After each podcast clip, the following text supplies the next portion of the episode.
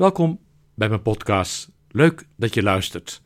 Ik ben Robert van Amstel en ik beheer deze podcast Dominee Praat op podcast.amstelvier.nl en ook op Spotify en Apple Podcast is deze aflevering te beluisteren.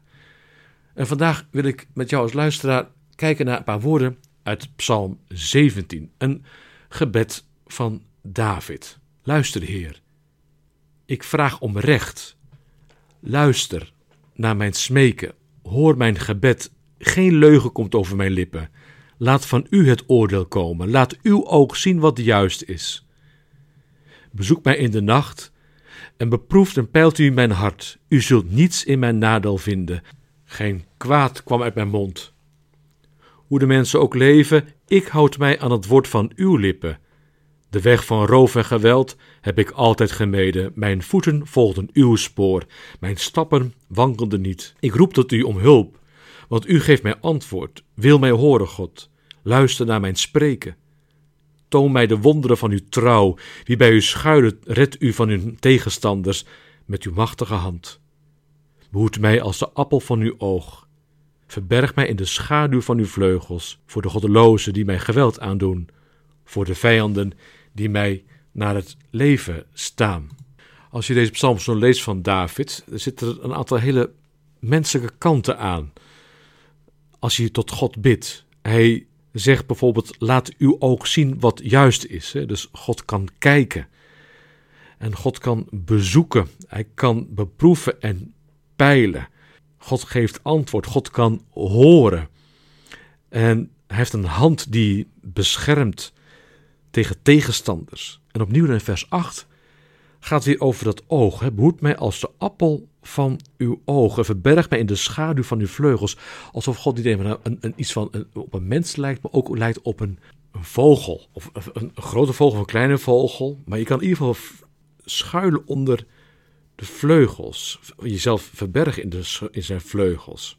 Heel mooi. Maar wat ik dus vooral vandaag uh, met jou zo over wil nadenken is over dat oog laat uw oog zien wat juist is. En dan in vers 8 behoed mij als de appel van uw oog. Ik weet niet of je de ervaring kent, maar dan, je kan misschien wel eens in gesprek zijn met iemand en dat je dan jezelf in het klein terugziet in de ogen van de ander. Het, een poppetje. Het zij alleen je hoofd of misschien ook met je, met je romp erbij. En dat je dus dat de ogen van de ander met wie je dus in gesprek bent als een soort van spiegel is. Het glinsterende vocht heet je welkom en laat eens zien hoe, jij, hoe het jou ziet. Je zou kunnen zeggen, de ogen van de ander eh, maakt een groot, groothoekopname van je. Het pakt een detail van je op. ik denk wel eens, als ik met de ander in gesprek ben en ik kijk dan naar die ogen van de ander, denk ik, wat hebben die ogen allemaal al gezien in het leven? Wat, wat, wat zien ze nu allemaal? Wat gaan ze nog zien? Welke personen zijn al heel dicht bij deze ogen geweest? Die, welke personen, welke mensen hebben, zijn door dat horrorvlies heen gebroken en hebben indruk achtergelaten in het hoofd van die ander? Wat hebben de ogen gezien aan gelach, aan verdriet, aan licht, aan, uh, aan groeven op het gelaat van de ander? Wat hebben ze gezien aan signalen? In de wereld. Wat, wat ontvang je allemaal als mens? Ongelooflijk wat je allemaal ziet als mens met je ogen. Dus als ik die ogen zie van de ander, hebben die ogen dus al heel veel poppetjes in de ogen gehad. En zoals de ander met wie ik spreek, ook in mijn ogen een poppetje. En dan hoor je dus die woorden uit Psalm 17, vers 8. Dan zegt David dus tegen God: Behoed mij als de appel van uw oog. Het gaat dus om Gods oog, waarin David dus in weerspiegeld wordt. Als mens of als mensje of hoe dan ook. Ja. En hoe groot Gods oog is, hoe klein Gods oog is, dat kunnen we natuurlijk niet zeggen. Maar in ieder geval, David heeft een plek in de ogen van God. Ja, hoe Gods ogen eruit ziet, dat, uh, het is best wel wat mensvormig gedachting zo door, door David. Maar als je kijkt naar de mensenogen zelf, naar je eigen ogen. En je kijkt naar de, naar de omgeving van je eigen ogen, dan wordt het beschermd door wenkbrauwen en door wimpers, de oogleden, de oogkas. De pupil, die er zit, heeft direct contact met de buitenwereld. Het is heel kwetsbaar. Alles kan in dat oog doordringen. Het kan ons hart raken. Kan onze, werk, onze hersenen in werking stellen. Kan emoties oproepen. Poppetje dus in mijn oog. Of ik als poppetje in het oog van de ander. Kan dus ook in beweging zetten. Dat vind ik wel mooi. Alsof dus David hier in deze, dit gebed tot God vraagt. behoed mij als de appel van uw oog.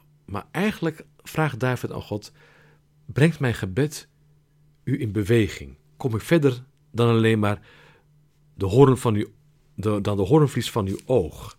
Ik vind het al mooi. En als je er ook over nadenkt, Gods ogen zijn dus niet dicht, maar staan open. David zichzelf terug in de ogen van God. En ik denk dat het mooi is dat als je er zo over nadenkt, dat hoe God dus mij ziet, mij ziet als een poppetje in zijn ogen, zo is het ook andersom. Hoe is God gereflecteerd in mijn ogen? Wie ziet God, wat ziet God in mijn ogen terug? Gewoon een spannende vraag, want God is onzichtbaar, je ziet God niet. Maar wat is dan, wat, wat, wat, kaast dan terug? En dan moet je eerlijk zeggen, als ik nu zo over nadenk, ik denk dat de glinstering in iemands oog iets van God weerkaatst. De glinstering in iemands oog, in het oogvocht, wat het oog in conditie houdt, hè, niet uit mag drogen. Het licht wat terugkaatst uit, uit dat oogvocht is iets van God zelf. Want ik geloof zelf, God is een bron van licht. Het alles wat God doet is licht roepen.